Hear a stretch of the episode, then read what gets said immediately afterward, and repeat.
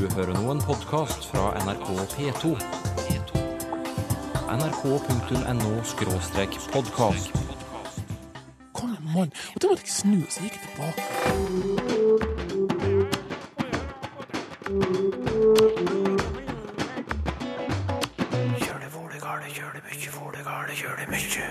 Når en nordlending i Oslo åpner munnen, kan dette skje. Folk sier at jeg er så heldig som har dialekt. Hva kommer det av? Dette her handler jo litt om eh, kanskje forholdet til et standardtalemål. Kvenene får endelig sin egen grammatikkbok. Det er et meget trua språk, altså. Det er akkurat det siste sekundet å satse i kvensk. Og armgang, hva kaller du det på din dialekt? For meg vil det være naturlig å si at den hanker seg bortover. Det er litt trist at folk på Østlandet føler de mangler dialekt. Det skriver nordlendingen Tobias Liland på Facebook. Her er historien hans.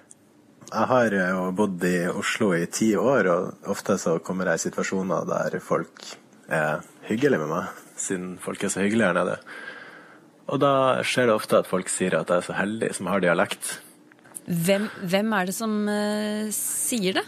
Eh, det er etter min oppfatning folk fra østlandsområdet som kommer fra eh, ikke direkte fra Oslo, men eh, omegn. Jeg har eh, opplevd eh, Hønefoss og Kongsvinger. I hvilke sammenhenger er det du får høre at du er så heldig som har en dialekt? Nei, det er på eh, Hvis man treffer noen på byen, f.eks., eller på jobb, eller eh, på sosiale medier. Sånn. Hvordan reagerer du?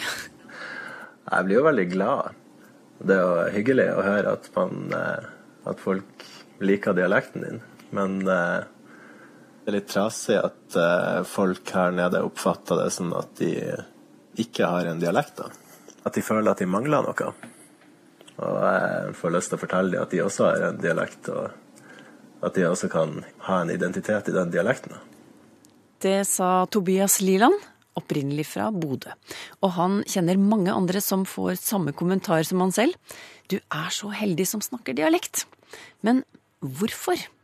Altså denne ideen om at folk fra Oslo eller utenfor Oslo ikke snakker dialekt, hvor kommer den ideen fra?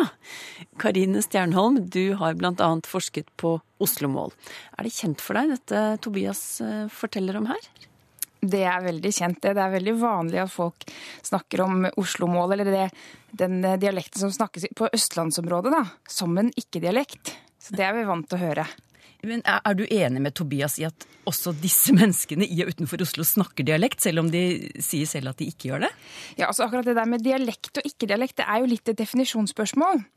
Eh, hvis vi definerer dialekt som en måte å snakke på innenfor et avgrensa geografisk område, så snakker jo alle en dialekt eh, i en eller annen variant. Men hvis vi snakker om eh, altså det, Innenfor språkvitenskapen så er det ikke helt uvanlig å eh, snakke om dialekt som noe annet enn et standardtalemål. Og det er vel kanskje litt den problematikken vi er inne på her. Ja, vi skal, vi skal forfølge dette litt, eh, komme mer inn på dette. Eh, men først, prøv å forklare oss hva det kommer av at disse menneskene Tobias har møtt, ikke oppfatter sitt språk som en dialekt. Altså, det, det, er jo nettopp noe med at i, i Norge så dialekten har hatt veldig høy status, og bymålene har ikke hatt så høy status. Og i utgangspunktet så kan du si at eh, sånn som man snakka i byene, har liksom stått i en sånn, ganske sånn sterk kontrast til landet, da, eller sant, omlandet. Men så samtidig så har du jo også dette her med at eh, Oslo-mål, eh, eller sånn som man snakker i Oslo, det har jo også vært språket til, til liksom eliten i landet. Det har vært knytta til universitetene, det har vært knytta til, til, store institusjoner i Norge. Og på den måten så har det også vært et høyprestisjemål. Så dette er jo litt, litt, litt, vanskelig, litt vanskelig, å forklare på en, på en, enkel måte. Men det har nettopp oppstått en sånn slags hva skal vi kalle det, et slags eh, kontrast da, mellom nettopp måten man snakker i, i, byen, og da kanskje særlig i Oslo, og omlandet rundt. Og så har det på en måte blitt dialektene vært knytta til omlandet, mens eh, i Oslo, eller i Oslo-området, så snakker man da ikke dialekt. Ja, ikke-dialekt, hva, hva ligger i det? Ja, nei, altså, Det er jo nettopp som jeg sa, at dette handler jo litt om eh, kanskje forholdet til et standardtalemål. Eller et standardspråk. Og i Norge så har det ikke vært eh, Altså det å liksom si at eh, vi har et standardtalemål, det har på en måte vært språkpolitisk ikke helt akseptert. Og det kan nettopp ha noe med at dialekten i Norge har hatt veldig høy status. Men så er det nettopp også sånn at når vi ser på dette altså vitenskapelig sett, så er det helt klart at eh, det fins en måte å snakke på i Norge som skiller seg fra de andre måtene å snakke på. Og det er ikke sånn at det nødvendigvis er en bedre måte å snakke på, men når vi ser dette her i, altså i, i sammenheng med språkutvikling, så er det helt tydelig at det fins en måte å snakke på som har en litt spesiell status. Ja, hva, hva ligger i det?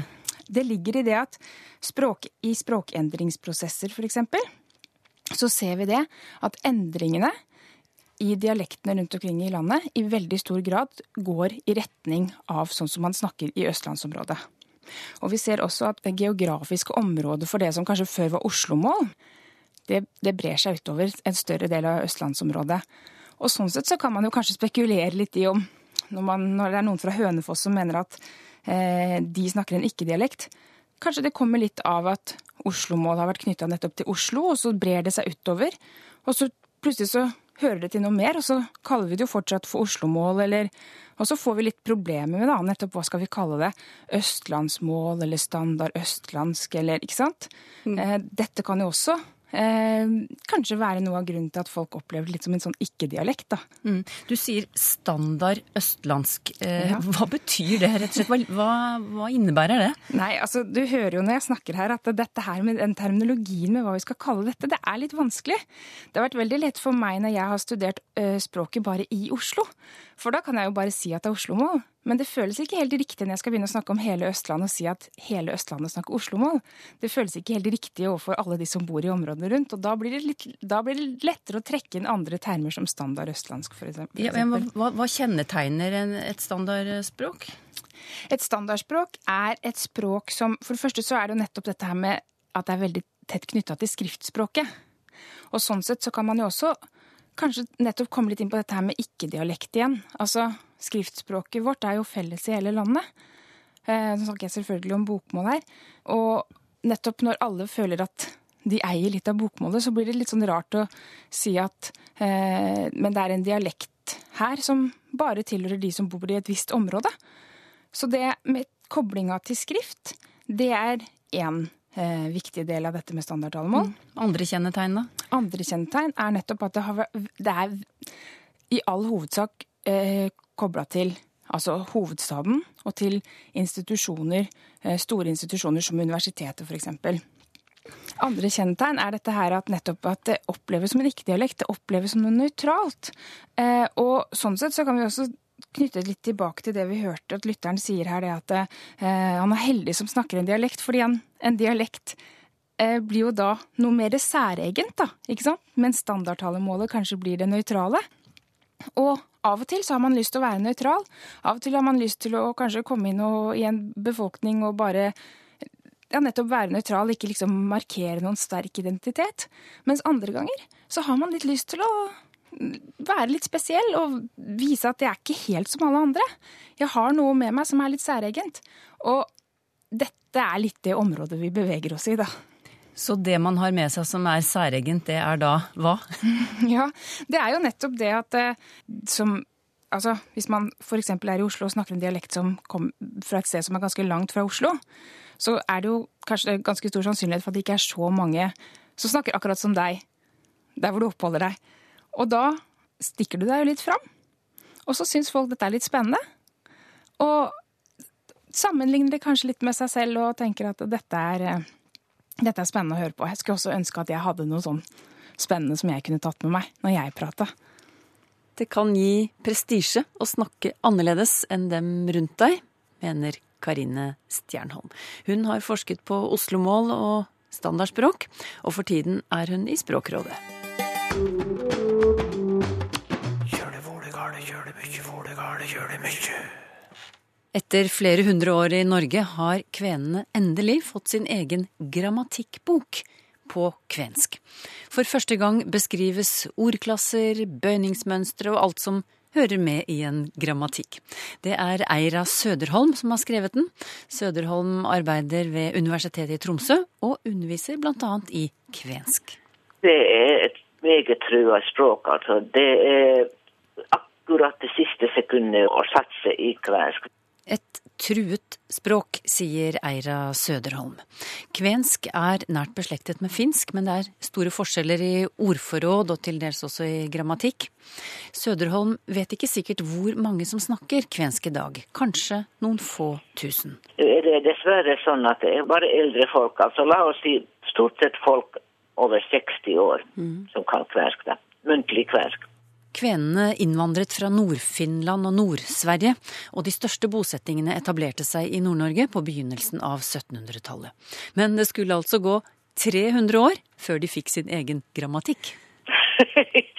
det kommer først nå. For det første så, så Kampen for å få kvensk anerkjent, kampen om å få kvensk inn i skolesystemet, kampen om å, å få lov til å, å, å si at kvensk er et språk, det tok så lang tid. Det var jo først i 2005 at, at kvensk ble anerkjent som et minoritetsspråk og eget språk i Norge. da.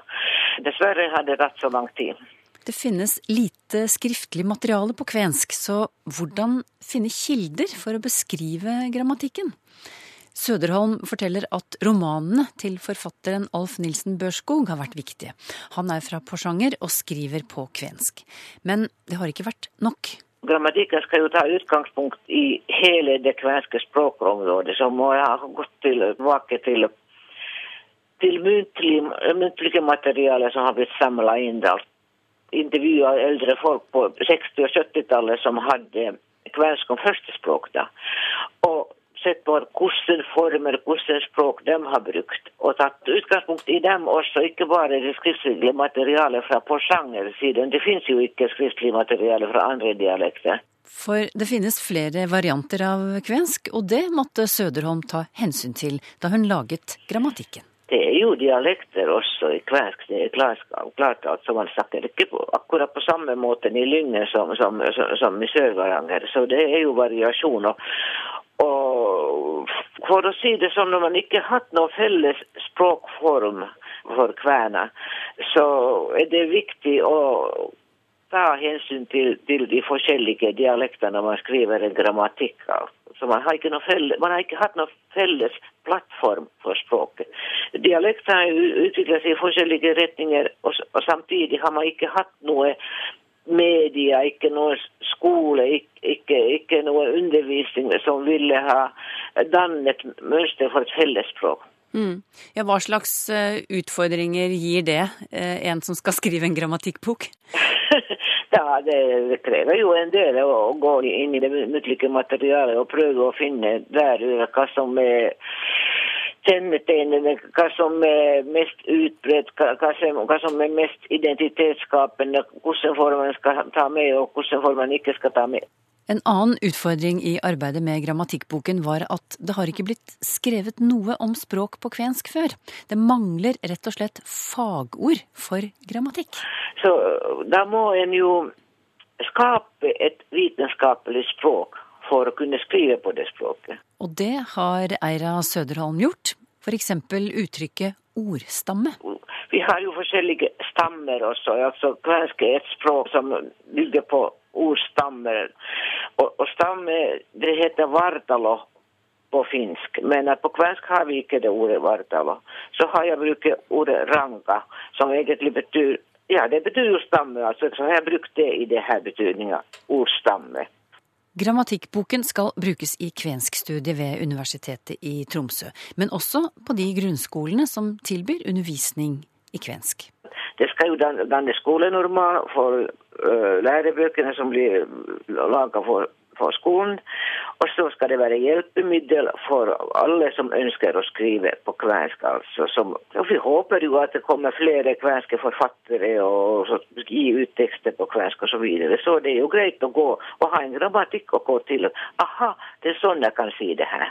En slik grammatikkbok som du har eh, laget nå. Hva kan den bety for det kvenske språket? Nå, for det første så skal kvenene høyes, høyes til et, et, et litterært folk. Vi vet at, at verdens folk, for at de skal få anerkjennelse som eget folk, så det må jo være litt, et litterært folk, så det er jo sånn statusforhøyning. Men som sagt, det viktigste der er å være hjelpemiddel til å gi liv til, til kvensk og revitalisere eh, kvensk og få, få tatt det i bruk. Og jeg må si at det, grammatikken alene vil ikke gi nytt liv for det kvenske språket nå. Det må satses på barn og ungdom og kultur, media, hele, hele det her spektrum for at det skal være, være mulig å redde språket. Så har vi håp. Da har vi håp. Da har vi håp, sa Eira Søderholm ved UiT, Norges arktiske universitet. Søderholm har skrevet den første kvenske grammatikken.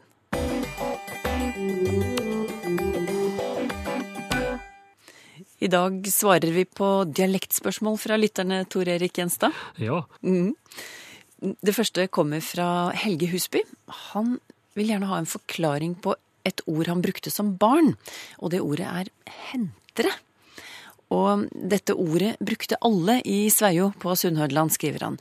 De brukte det om å ta seg bort etter f.eks. et klatrestativ, bare ved bruk av hendene. Og i parentes føyer han til slik apekatter kommer seg fra tre til tre. Og så lurer han på om dette er vanlig andre steder, eventuelt om han har andre ord for det.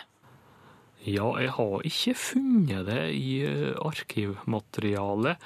Og det kan jo se ut som at det kan ha starta ut som å entre, da.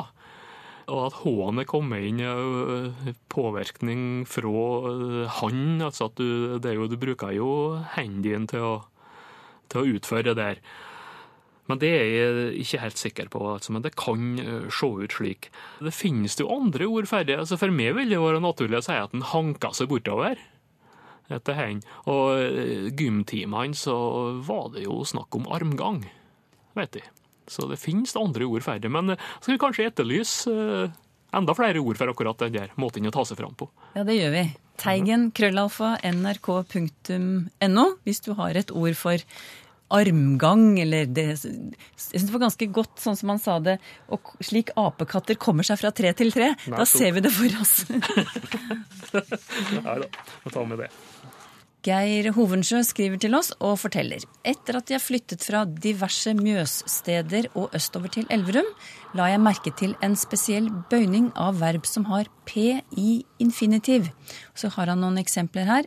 Jeg skulle kjøpe jordbær og kjøfte tre kørjer. Og andre verb stupe har stuft, døpe har døft, det er temmelig gjennomgående, tror jeg, skriver han. Og han antar at det er slik i Trysil også. Oh, ja. Men hva kan du føye til her? Nei, altså det, denne overgangen der, det er jo for det første vanlig i ord som har opprinnelig PT. Slik at den norrøne lopt, det blir til loft. Og det norrøne rapter, det blir til raft, som annet betyr takskjegg. Og også taksperre. Det har iallfall et eller annet med tak å gjøre. Så det er vanlig, men her er det jo da i bøyingsformer, der du har en P i stammen, altså å kjøpe. Så blir det preteritum kjøfte eller kjøft. Og stupe stuft, som er nevnt her. Og der kan jo være til å misforstå trønderen som sa at han skulle være å få seg kløft. Det er jo, du oppfatter det som verbet å, å, å kløppe eller å klippe, altså. Så det har du jo overgangen der. Også adjektiv, så djup, så blir nøytrumsform juft i en del dialekter. Sleip, nøytrum sleift. Og det der er nok i hovedsak innenfor østnorsk. Her er det jo nevnt både Elverum og Trysil, og det går nok mye videre. Og det går også nordover til, til trøndersk. Også som plasser i vestlandsk har du den her. Indre Sogn, Sunnmøre, Romsdalen.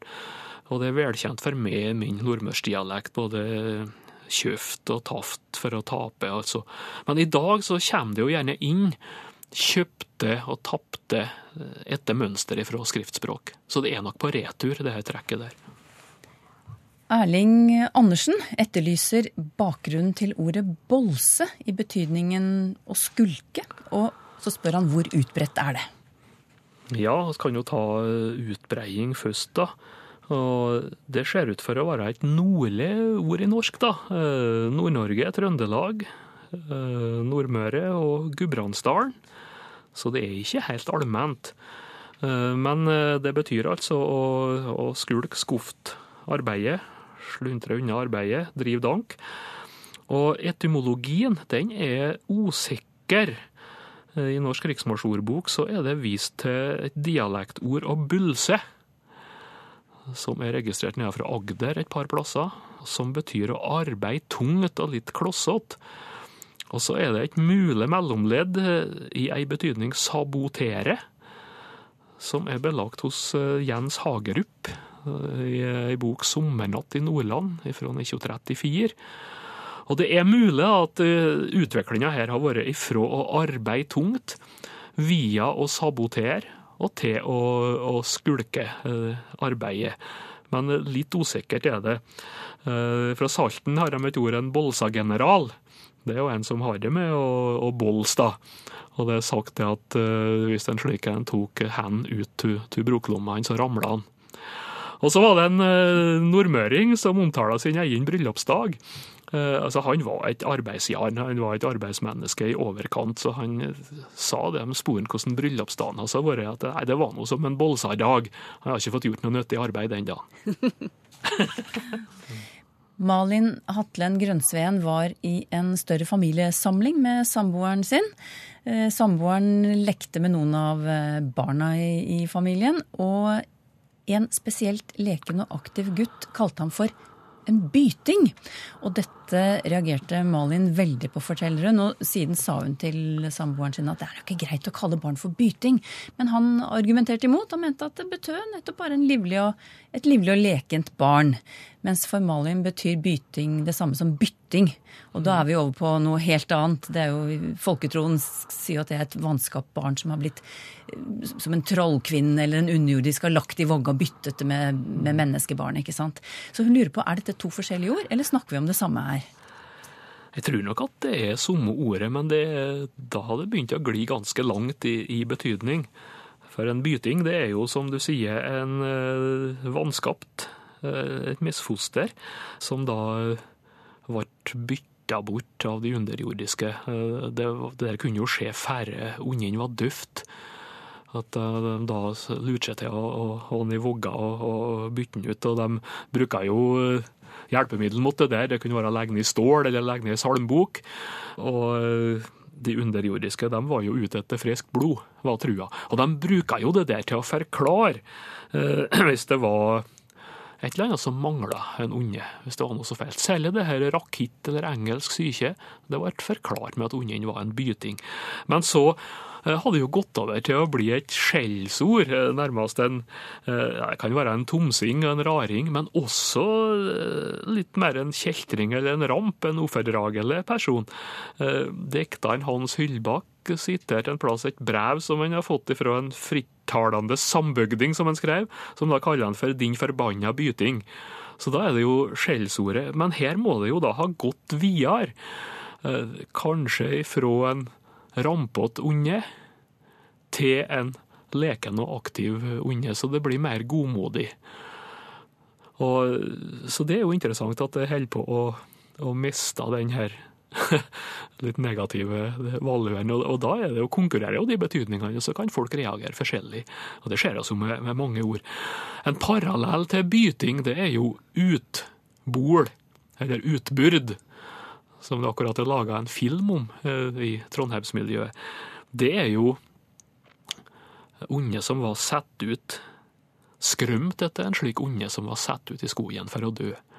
Og så går også det over til å, bety nærmest en ramp eller en kjeltring, parallell til byting.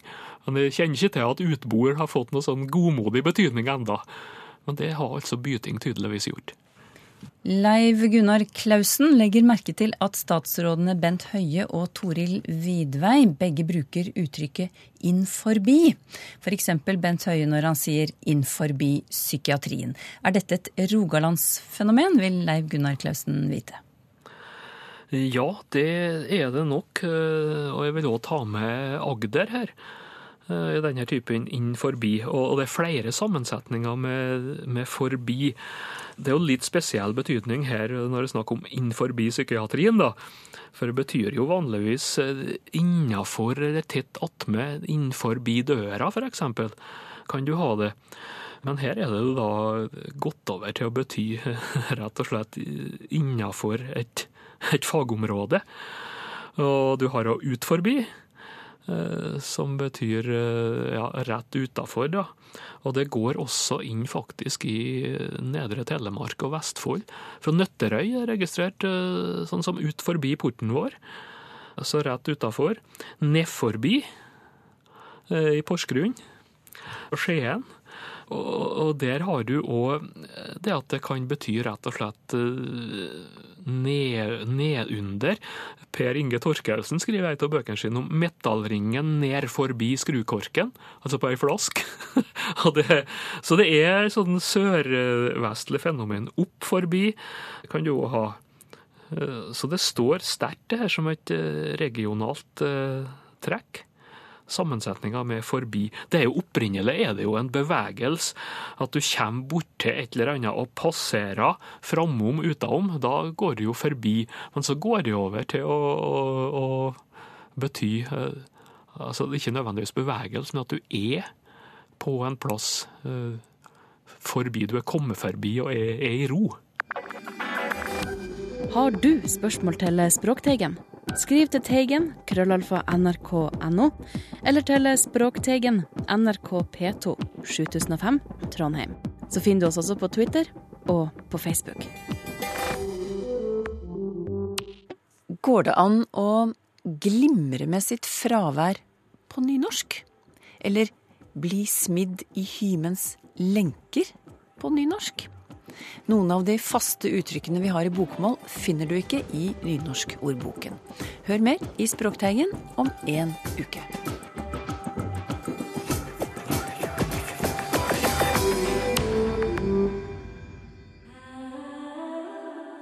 nrk.no podkast.